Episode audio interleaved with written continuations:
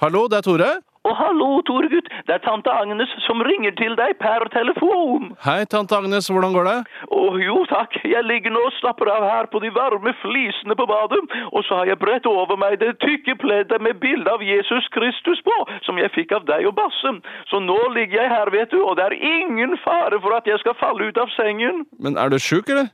Vel, jeg har brukket nakken på fire steder, men legen sier at jeg skal bli sånn passe bra igjen. Men hvordan skjedde dette her, da? Å, jeg tok med meg sykkelen ned til Oslo City, og så festet jeg en milkshake bakpå bagasjebrettet, slik Trond Kirkvåg gjorde det i den gamle reklamen. Og så satte jeg utfor rulletrappene, Billibaba, baba, billig, billig Men, men du må jo være forsiktig, tante Agnes. En dame på din alder bør jo ikke drive og sykle ned rulletrappa på den måten. Men det passet så fint, ser du, Toregutt. Jeg skulle jo uansett ned til Oslo City og kjøpe julepresanger til deg og til Bass, og jeg skulle kjøpe litt milkshake og noen andre småting til jul. Å ja, så du har begynt på julepresangen allerede? Ja, ja, ja, og husker du det året Basse var julenisse?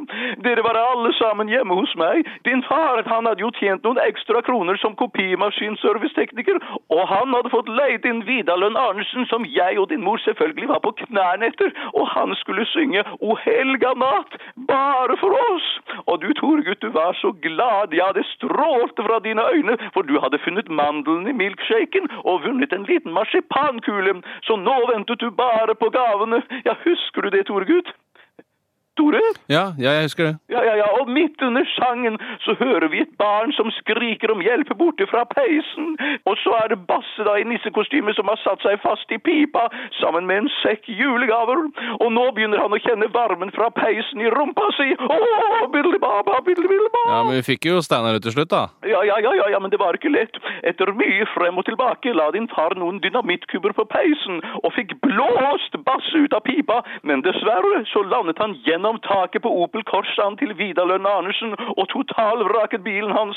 Din stakkars far, han måtte jo være privatsjåfør til langt utpå våren da Lønn Arnesen endelig fikk kjøpt seg en ny Opel Manta, faktisk. Og så skulle han på Au, au! Hva er det som skjer, tante Agnes? Å, jeg må visst få skiftet kateter, ellers så tisser jeg på Jesus.